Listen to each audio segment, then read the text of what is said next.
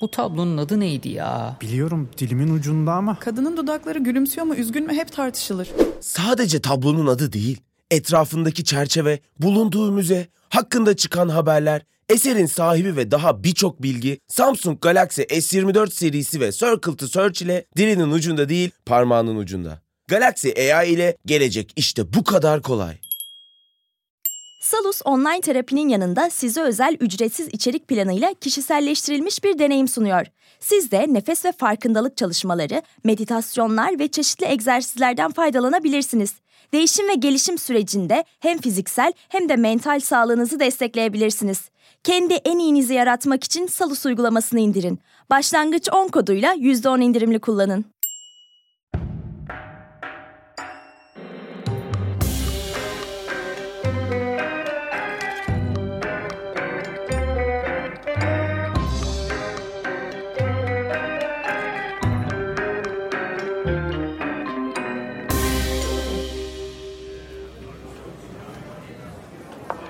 Hanımefendiler, beyefendiler, pek saygıdeğer, pek kıymetli kelimenin ham anlamıyla dinleyenleri merhabalar efendim. Ben Deniz Ali İhsan Varol.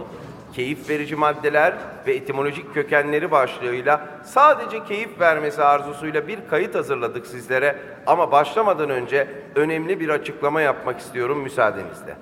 Bu kayıtta hiçbir şekilde asla ve kat'a bu tip maddelerin veya etanol içeren türlü içeceklerin keyif verici, uyarıcı veya uyuşturucu envai çeşit illetin kullanımını özendirici veya kolaylaştırıcı bir amaç güdülmemiştir. Nokta.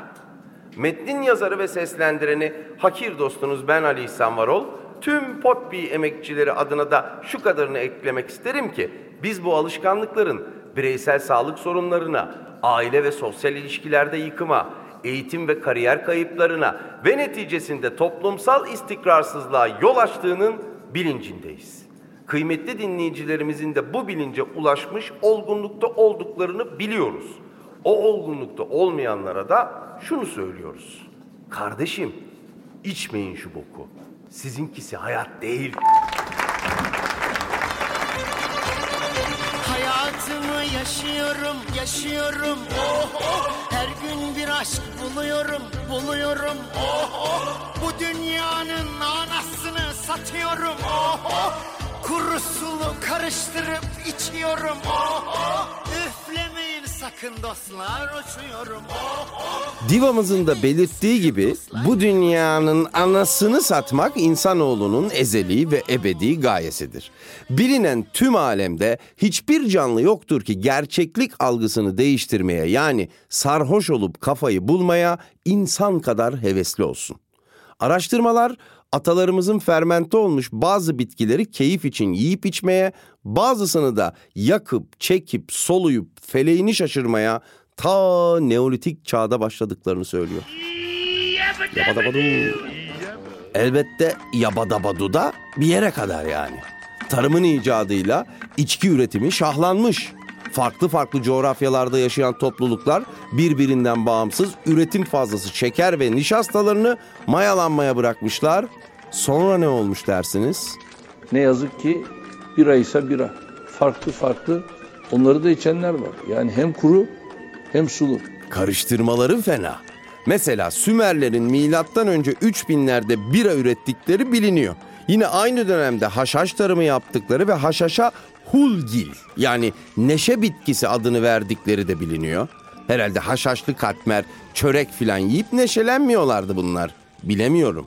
Tıpkı keneviri ilk olarak ip halat yapmak için mi, kafayı bulmak için mi kullandığımızı bilemediğimiz gibi. Yunanca kökenli kenevir kelimesini Akatça dilindeki kunnaptu sözcüğüne bağlıyor kaynaklar. Aynı bağdan gidersek Latincedeki kanabis, Farsçadaki kanap, Arapçadaki kinnap kelimelerini de birbirine bağlayabiliriz. Ama bu bağın, bu ipin ucunda keneviri esrara dönüştüren sırlar yok. Esrar da bu arada sırlar demek. Yani efendim hadisedeki çetrefil eder bu cahili sersefil. O yüzden belki de bu konuyu yani eğlence amaçlı madde kullanımını basitçe sulu kuru diye ayırarak ele almak lazım. Ta 1500'lerin başında Fuzuli bile yapmış bunu. 444 beyitlik bir mesnevi yazıp Şah İsmail'in haşmetine sunmuş. Eserin adı Bengü Bade. Beng, Sanskritçe'ye uzanan bir kelime ve çoğunlukla afyon bazen esrar, genel olarak dumanı çekilen bütün meretler için kullanılıyor. Bade ise birçoğumuzun malumu olduğu üzere içki, daha doğrusu şarap demek. Fuzuli, kuru ile suluyu savaştırdığı eserinde zaferi şaraba vermiş. Bunu da teşhis ve intak sanatını kullanarak yani cengaverlerini kişileştirip birbirleriyle konuşturarak yapmış. Hikayenin özeti şöyle. Yiğit ve yakışıklı bir genç olan Bade bir bez maleminde arkadaşları Arak, Boza ve Nebiz ile eğlenmektedir. Arak bildiğimiz rakı. Terlemek, terini akıtmak anlamındaki Arapça arıka fiilinden türemiş adı. Rakı damıtılarak üretilen bir içki olduğu için adının ilhamını terden almış. Boza'nın adı ise boz renginden gelmiyor. Kökü Farsça darı veya darı ezmesi anlamındaki buze kelimesine dayanıyor. Ayrıca o zamanın bozası da bu zamanın üzeri leblebili nostaljik içeceğine pek benzemiyormuş.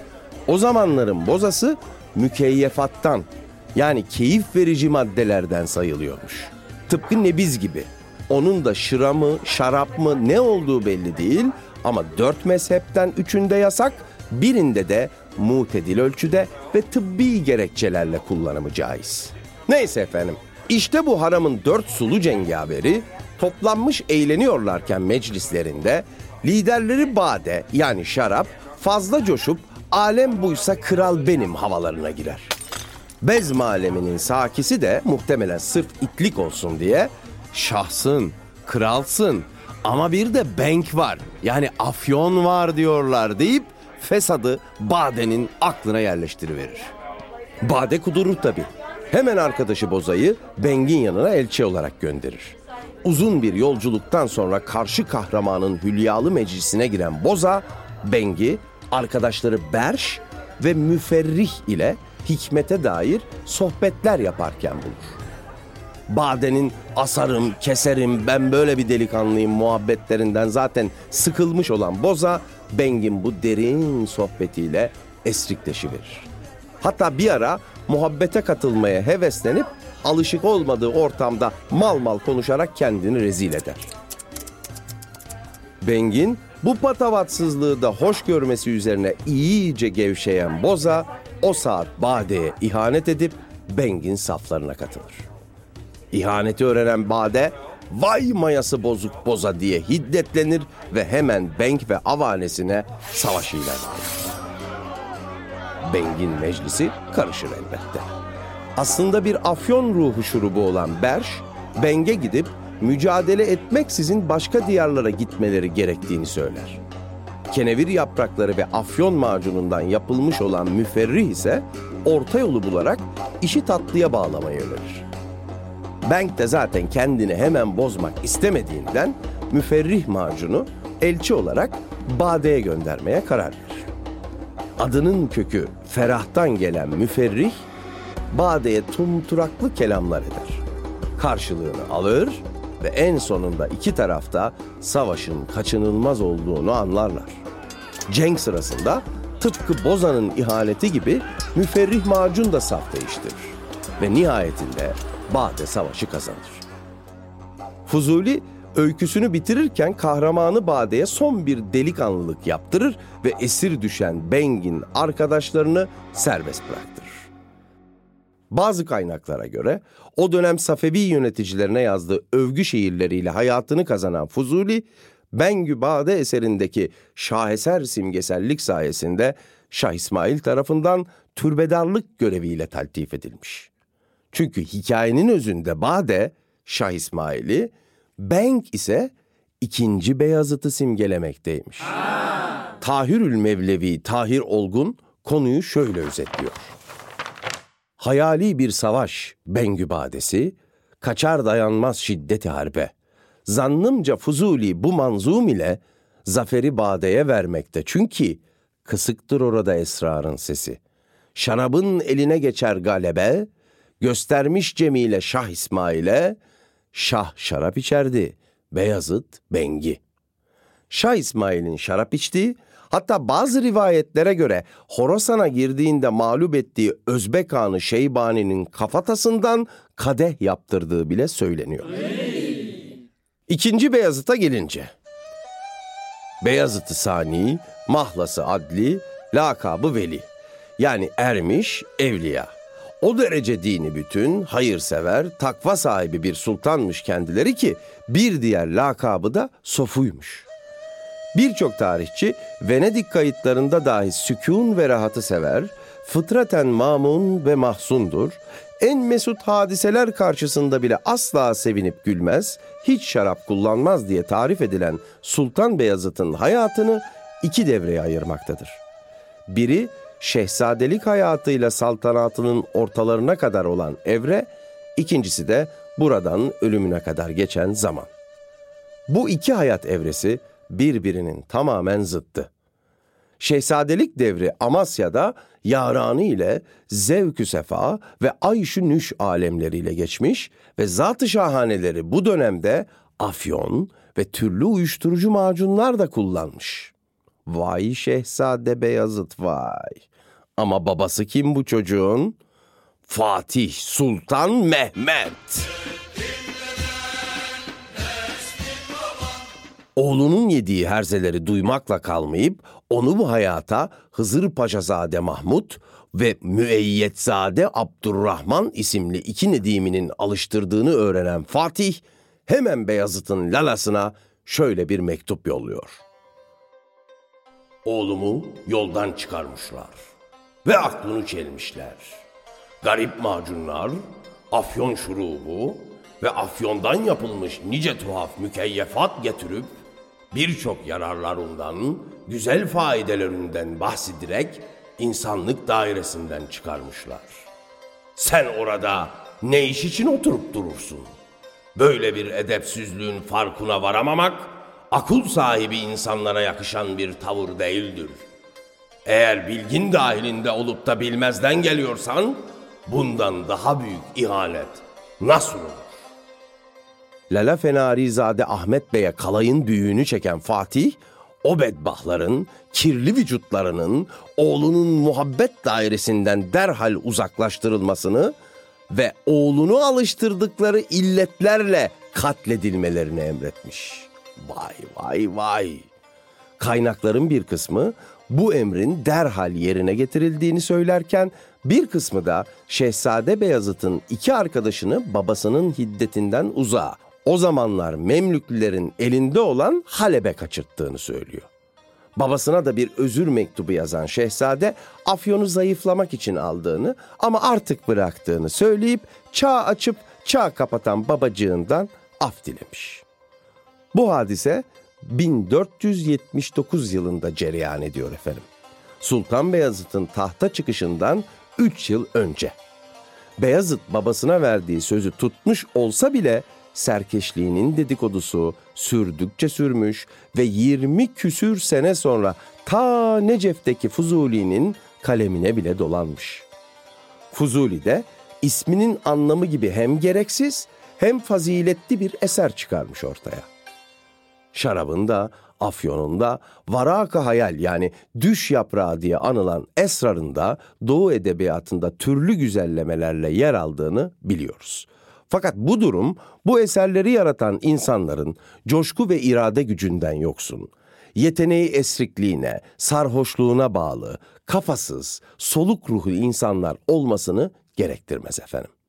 Zaten bu cahil kafayla bile anlaşılabiliyor ki o eserler kabaca içip içip veya çekip çekip yazılabilecek şeyler değil.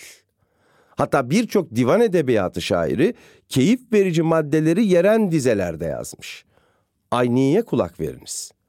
Arak yani rakı içme, yime afyonu kat'a, çeküp esrarı olma aleme rüsva, biri hulya virür, diğeri yubuset yani kuruluk, o afettir, bu bin türlü musibet. Keza Anadolu deyişlerinde şarap içen malını, afyon içen canını, esrar içen aklını kaybeder minvalinde dizeler duyulsa da bu sulu ve kuru illetler kendine tiryaki ve müptela bulmayı her daim başarmışlar. Bu arada tiryakinin kökü olan tiryak bir tür afyon macununun adıdır. Bela kelimesiyle aynı kökten gelen müptela ise bir belaya düşmüş, bir dert ile sınanan kişi anlamına gelir.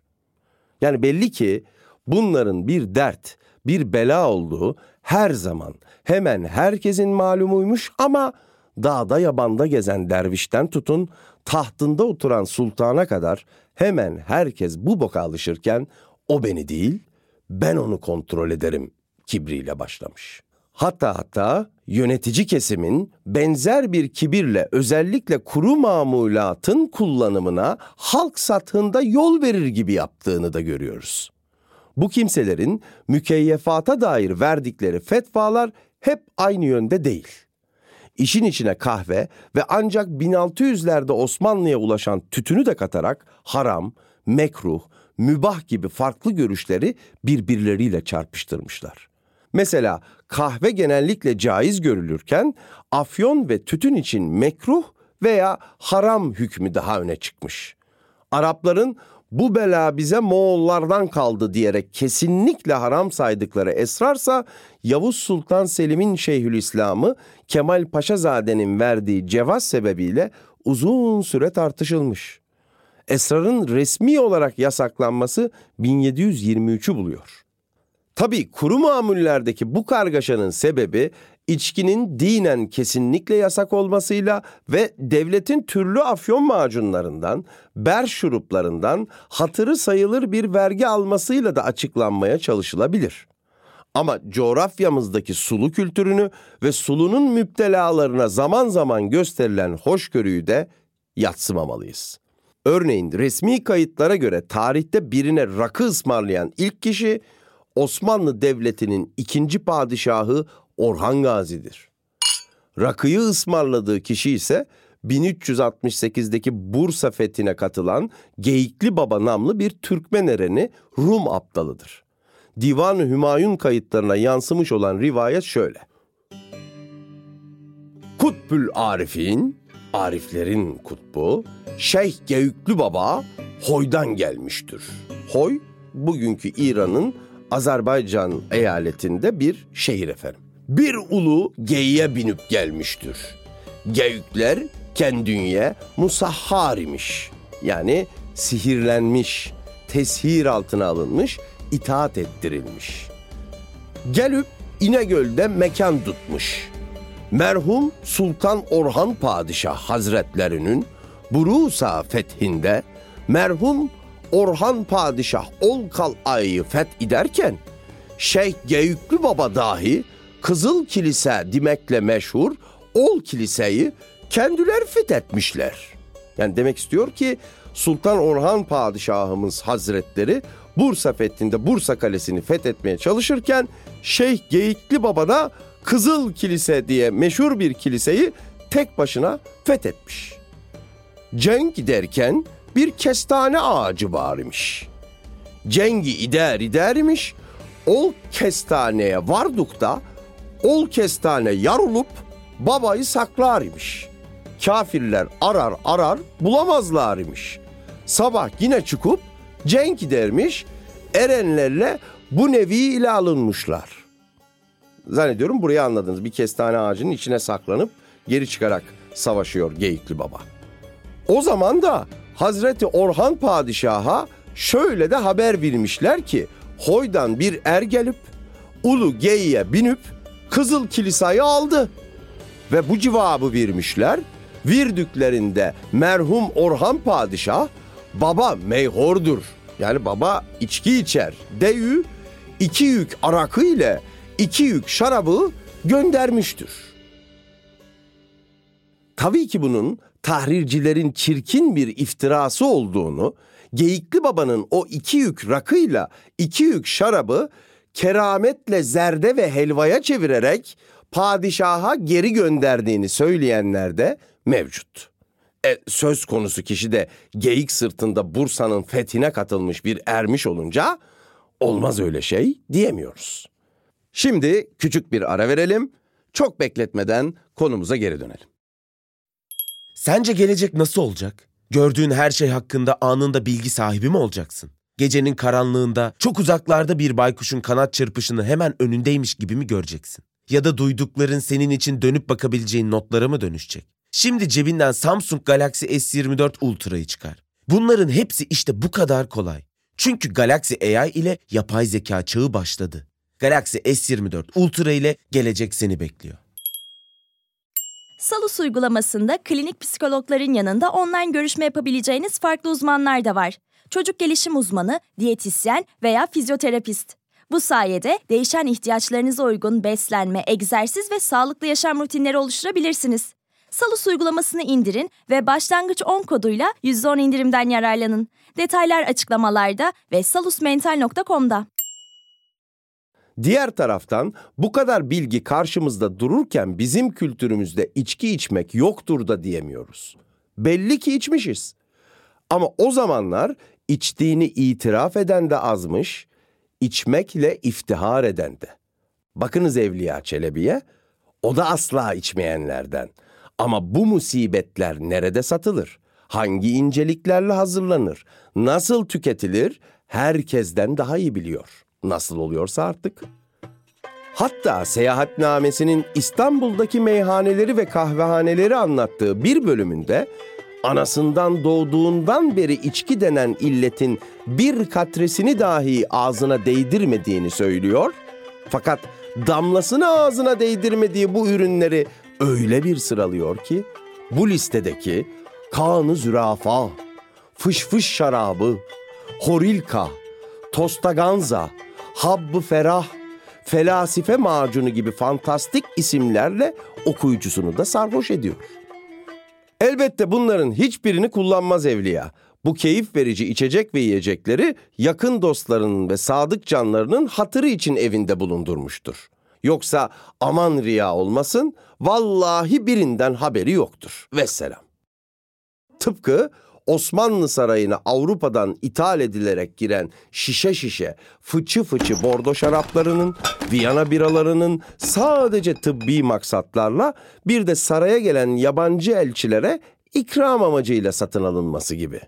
Hı hı. Bu arada suluyu ithal ederken kuruyu da batıya sokuşturmayı ihmal etmemişiz. Birçok kaynak esrarın Avrupa'ya Napolyon'un hevesli askerlerince taşındığını, keyif için kullanımının da bu müptezel veteranlarca yaygınlaştırıldığını yazıyor. Afyonun kullanımı daha eski ama o da daha çok tıbbi metinlerde çıkıyor karşımıza.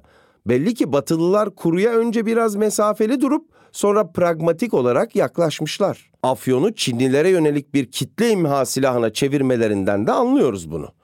Fakat bir süre sonra o beni değil, ben onu kontrol ederim kibrine Batılılar da düşmüş. Örneğin bilmeden de olsa Afyon'dan bir başka kitle imha silahının üretilmesini sağlayan ilk kişi kimyanın babası olarak da tanınan Sir Robert Boyle olmuş.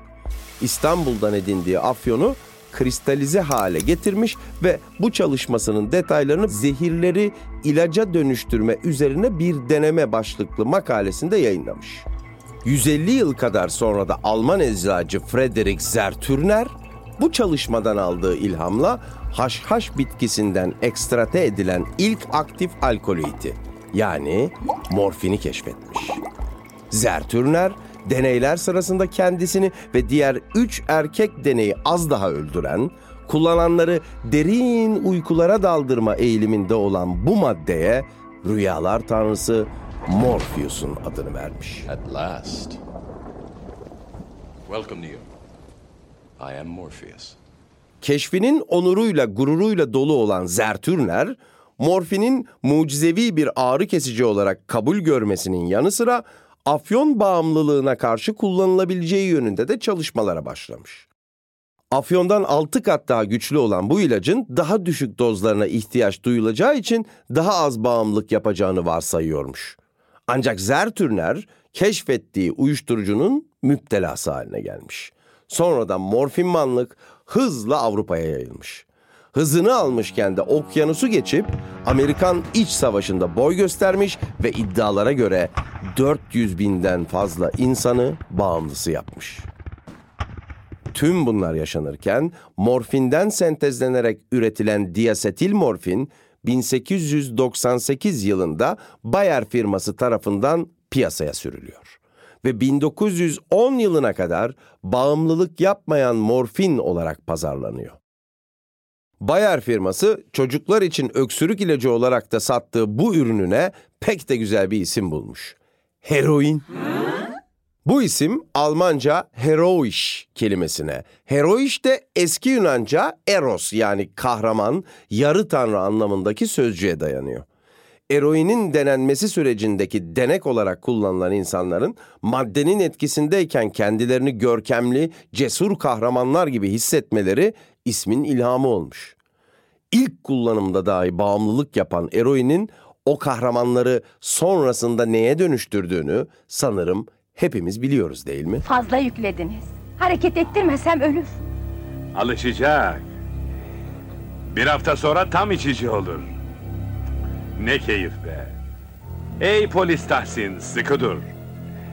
Güzel kızın karşına eroinman olarak çıkacak. Sen yardımlarını esirgeme. Ülkemi, yakınlarımı kötülüklerden arındır ya Rabbim. Halk düşmanlarını, gençliği zehirleyen suçluları yakalamama yardımcı ol. Amin. Amin. Amin deyip bitirmeyelim. Konuya öyle bir daldık ki amin deyince benim aklıma alfa, metil, fenol, etil ve amin terimlerinin kısaltmalarından oluşan amfetamin geldi. Gel. Sen buralara nereden girdin? Almanya'nın Birinci Dünya Savaşı'ndan yenik çıkması aspirin ve eroin gibi ister şifa ister bela olsun birçok ürünlerinin tescil haklarını kaybetmelerine yol açmış. Fakat bu durum Alman ilaç sanayini durduramamış tabii. Almanların açtığı yolda ilerleyen Amerikalılar bu yeni merkezi sinir sistemi uyarıcısını benzedrin ismiyle piyasaya sürmüşler. Aynı yolu arşınlayan Japon kimyagerler de metamfetamini sentezlemişler. E sıra tekrar Almanlara gelmiş. Berlin merkezli ilaç şirketi Temlerwerke metamfetamini 1937 kışında Pervitin markasıyla satmaya başlamış. Eczanelerde reçetesiz satılan tabletler reklam kampanyasının da etkisiyle son derece popüler olmuş. Hatta metamfetamin ile takviye edilmiş çikolatalar bile piyasaya çıkmış. Peki Birinci Dünya Savaşı'nda yaşanan utanç verici yenilgiyi morfin ve eroin gibi maddelerin kullanımına bağladıkları için radikal biçimde uyuşturucu karşıtı olan Naziler nasıl olmuş da metamfetaminli şokolatalarını şapırdatır olmuşlar? Hı? Efendim, bilim sayesinde. Bilim demiş ki bu morfin gibi, eroin gibi değil. Alkol gibi bile değil. Bu mucize ürün insana gerçeklerden kaçmanın rahatlığını sunmuyor. Aksine uyanıklık ve enerji veriyor. Dikkat ve kendine güveni arttırıyor. Elbette bütün derdi Alman'ı uyandırmak olan fiziksel ve zihinsel überlik takıntılı üçüncü ray için biçilmez kaftandır bu. 1940'a girerken Temler fabrikasının üretim hızı günde 800 bin tabletin üzerine çıkar. Pervitin tableti Almanların 2. Dünya Savaşı sırasındaki temel savaş doktrini olan Blitzkrieg yani Yıldırım Savaşı'na da asıl şeklini verir. Düşmanı savunma kurmasına dahi fırsat vermeden olağanüstü bir hızla imha etme amacı güden bu taktik metamfetamin etkisi altındaki endüstriyel zombilere dönüşmüş Alman askerleri tarafından tarihe geçirilir. Bu sırada yaşanan beyin kanamasına bağlı ani ölümler, felçler, bütünsel karaciğer tahribatları, hızlı gelişen bağışıklık çökmesi ve askerlerin genelinde görülen diş çürümeleri, akne ve uçuklar, asabiyet ve paranoid haller savaş harareti içinde görmezden gelinir. Çok uzaklardaysa benzer amaçlarla kendi metamfetaminli ilacını üreten Japonya bu iş gücü hapına çalışma sevgisi anlamına gelen Filopon ismini vermiştir. Filopon. Tam bir Japon çizgi film karakteri ismi. Al Pokemon'da oynat. O derece yani. Japonlar askeri personelin yanı sıra devlet fabrikalarındaki işçilere de üretkenliklerini arttırmak için filopon verirler. Filoponun pomponluğuyla çözülemeyecek durumlarda ise daha net tedbirler alırlar. Kamikaze pilotları intihar görevlerinden önce damardan büyük dozlarda metamfetamin alır. Fırtına tabletleri olarak bilinen imparator damgalı özel haplar ise aslında yeşil çay tozu ile karıştırılmış mini metamfetamin bombalarıdır. İki atom bombasının ardından 1945 yılında vatandaşlarının birçoğu metamfetamin bağımlısı olmuş Japonya, depolarındaki devasa filopon stoklarıyla birlikte Amerikalılara teslim olur. Amerikalılar filoponun bir kısmını ilaç olarak dağıtılmak üzere kamu dispanserlerine göndermişler, geri kalanı ise kara borsaya yönlendirilmiş. Dağıtımının çoğunu da ünlü suç örgütü Yakuza devralmış. Tüm bu olup bitene yol veren Amerikalılar ilginçtir, kendi evlerinde de benzer bir tavır içine girmişler. İstatistikler 1950'lerde Amerika'da yasal reçeteyle metamfetamin kullanımının çok büyük oranda arttığını gösteriyor. Diyet ilacı olarak ünlenen obetrolün yanı sıra sinüs iltihabı gibi türlü tıbbi amaçlarla metamfetamin içeren ilaçların kullanılması yaygınlaşmış. Tıbbi amaçların dışında da Beniis olarak bilinen azim hapları yani pep pills, yürübe hapları go pills, kaldırıcılar uppers ve speed denen hızlandırıcı haplar da hemen herkes tarafından kullanılmaya başlanmış. Hemen herkes derken şöyle açıklayayım. Uzun yolda uykusuzlukla savaşan truck driver'dan tutun, dış politikadan bunalan Amerikan başkanına kadar. Kimler kimler? İngiltere kralı, rahmetli başkan Kennedy, taçsız kral Pele, Pele'yi bilemiyorum, hiç de zannetmiyorum ama rahmetli başkan Kennedy ne yazık ki bu illete tutulanlardan. Kennedy de dahil olmak üzere çok sayıda yüksek profilli müşterisine bela olan kişi ise o dönemler Mucize Max veya Dr. Feelgood gibi isimlerle tanınan doktor ve tıp araştırmacısı Max Jacobson. Kennedy ile henüz senatörken tanışıp onu şiddetli sırt ağrılarından kurtaran 1960'taki başkanlık seçiminde dimdik ayakta durmasını sağlayan Jacobson bir anda Kennedy ailesinin gözbebeği haline geliyor. John ve Jacqueline'e enjekte ettiği karışımların içinde vitaminler, steroidler, hayvan plezentası, kemik iliği ve sokaklarda speed adıyla satılan bir sentetik bulunduğu öğrenildiği halde Kennedy, Jacobson'ın enjeksiyonlarını isterse at sidiği olsun, işe yaradığı sürece umrumda değil diye kabulleniyor. Hatta Doktor Feelgood'u 1961'deki Viyana zirvesine başkanlık mahiyetinin bir parçası olarak dahil etmiş. E kolay değil tabi. Domuzlar körfezi çıkartmasından yediği dayaktan sadece 6 hafta sonra Sovyetlerin en kurt başbakanı Nikita Khrushchev'in karşısına çıkacak Kennedy. Bu çıkartmayı mucize vitamin iğneleri olmadan beceremeyeceğini düşünmüş olabilir. Yazık. Yaşı henüz 44'ü bulmuş, daha dört buçuk aylık başkan olan Kennedy belli ki Khrushchev'e ne yaman bir kovboy olduğunu göstermek istemiş ama süratin felaket olduğunu unutmuş. Doktor Feelgood'un speed içeren iğneleriyle ayarını kaçırıp Sovyet kurdu Khrushchev'le komünist ideolojiyi tartışmaya bile kalkışmış. Pek de hakim olmadığı Marksizm denizine dalan Kennedy hiç istemediği şekilde İngiliz emperyalizmini ve İkinci Dünya Savaşı öncesi statükoyu savunurken buluyor kendini. Yani Doktor Feelgood'un vitamin şartları kovboyu şapa oturtuyor efendim. Kennedy'nin yıllar sonra bir New York Times muhabirine hayatımdaki en kötü gündü he savaged me yani Khrushchev içimden geçti diye anlattığı o günden sonra neler olmuş sayın dinleyenler? Khrushchev Amerika Birleşik Devletleri ile eşit olarak görülme arzusuna kavuşmuş. Sovyetler ve Çin bir yanda, Amerika Birleşik Devletleri ve Batı Avrupa diğer yanda karşılıklı nükleer horozlanmalara devam etmişler. Zirveden iki ay sonra Sovyetler Berlin duvarını dikmiş, birçok otorite de Khrushchev'e karşı durabilseydi Kennedy bu durumu önleyebilirdi demiş.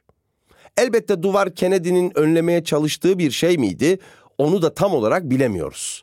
Net görünür olan tek şey tıpkı Fuzuli'nin Bengü Badesi'nde şarabın afyonu yenmesi gibi bu hadisede de vodka amfetamine galip gelmiştir. Nazdrovya. Zirvelerde bunlar yaşanırken amfetaminler metamfetaminler komşuda pişip bize de düşmüş ne yazık ki. Birleşmiş Milletler'in 1971'deki psikotropik maddeler sözleşmesine kadar bu maddeler özellikle gelişmiş ülkelerin vatandaşlarını yasal ve reçeteli olarak yakıp yıkmaya devam etmiş. Keza o dönemlerde bizim memleketimizin birçok seçkini de bu yabancı diyarlardan gelen pahalı haplarla olmadık maceralar yaşamışlar. Bunlardan en hazini Yeşilçam'ın küçük hanımefendisi Belgin Doruk'un başına gelenlerdir. Acı Dolu Yıllar isimli otobiyografik kitabında kendini oldum olası balık etli bir genç kız ve kadındım diye tarif ediyor. Sinemaya adım attığı 1950'li yıllarda tercih edilen bu vücut ölçüleri 60'larla beraber kusura dönüşüyor. Belgin Hanım'a önce ima yoluyla sonra açık açık kilo vermesi yönünde öneriler gelmeye başlıyor. Diyetlerle başı pek hoş olmayan küçük hanımefendi de piyasadaki zayıflama haplarına yönelmiş ve karşısına pat diye sahte bir kahraman çıkmış. Kitapta şöyle anlatıyor. Eczanelerde büyük reklamlarla satılan pat adlı zayıflama ilacının büyüsüne kapıldım. Yasal olması en büyük güvencemdi. Ancak içindeki amfitaminin uyarıcı ve uyuşturucu etkisinin ne yazık ki o tarihlerde gerçek anlamda farkına varamadım. Bir süre sonra amfitamine alıştım. Kendimi He-Man gibi güçlü hissediyordum. Gölgelerin gücü adına. Adam'ı He-Man'e, titreyi atılgana çeviren Yıldırım ne yazık ki bir tek çizgi filmlerde çakıyor. Belgin Hanım'ın patpatlarının yankısı tükenmekte olan kariyerinin sesini bastırıyor. Anlayamıyor Belgin Hanım. Çünkü çok seviyor patpatlarını. O kadar ki bir gün yakın arkadaşı Zeki Müren'le de paylaşıyor bu sevgisini ve olanları şöyle anlatıyor. Zeki'ye de benim haplardan yutturdum. O bu aniden gelen, ayakları yerden kesen enerjinin mutluluğunda kendini sokaklara atmış. Tanıdığı kim varsa ona hediyeler almış. Ancak bir süre sonra benden daha akıllıca davranıp enerjinin bu kadarı da fazla dedi ve bir daha pat almadı.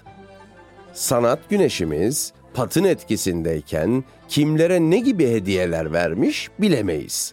Ama bu illet hap küçük hanımefendinin hayatına hep böyle tatlı hatıralar katmamış.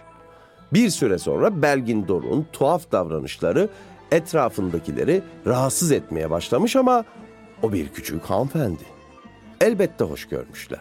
Ta ki büyük reklamlarla duyurulan gazino galasında sahneye çıkıp ilahiler söylemeye, dualar etmeye başlayana kadar. Işıkların karartılmasıyla apar topar sahneden alınan küçük hanımefendinin delirdiği dedikodusu dolanmış ortalarda. Sonrasında hastaneler, elektroşok tedavileri, yeme bozukluğu, inziva, ekonomik zorluklar, başarısız intihar girişimi ve tekrar inziva. Belki de bunları hiç anlatmamak lazım.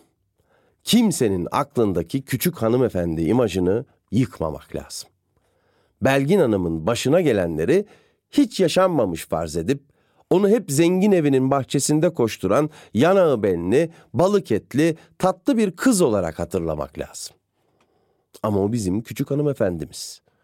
Acısı da bizim acımız. O güzellik acıdan kaçıp olmadık bir tuzağa düşmüşse biz de aynı şeyi mi yapalım? Hayır. Acıları da hatırlayalım. Bu kaydın sonunu getirirken de her zaman yaptığımız gibi ahkam kesmek yerine gelin biraz hayal kuralım. Belgin Doruk'u bambaşka bir filmin içinde hayal edelim. Dövüş kulübünde.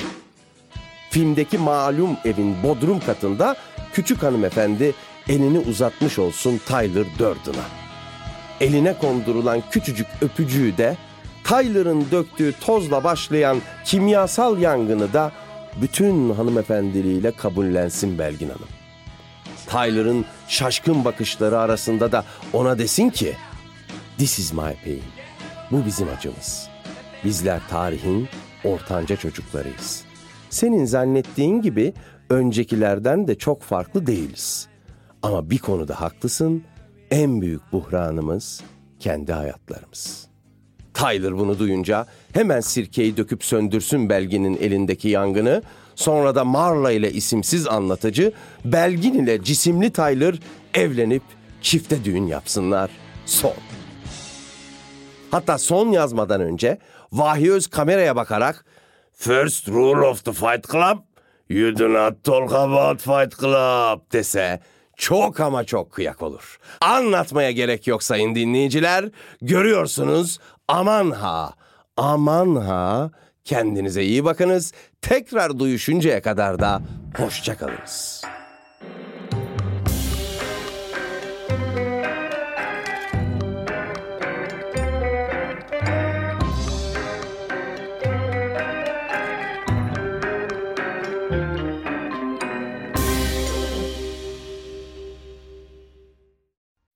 Boğa ve Venüs arasında 120 derece üçgen açılarla desteklenecek. Yeni ay ve devam eden süreçlerde tutumlarımız önem kazanacak. Özetle pozitif olun. Notlarını istediğin gibi özetleyen not asistanı Samsung Galaxy S24 serisinde. Galaxy AI ile gelecek işte bu kadar kolay. Salus yetkin psikologları ile terapiyi her yerden ulaşılabilir kılmaya devam ediyor. Yaşam tarzı değişiklikleri, adaptasyon sorunları, yalnızlıkla başa çıkma gibi konularda online terapi desteği için Salus uygulamasını indirin. Başlangıç 10 koduyla %10 indirimli kullanın.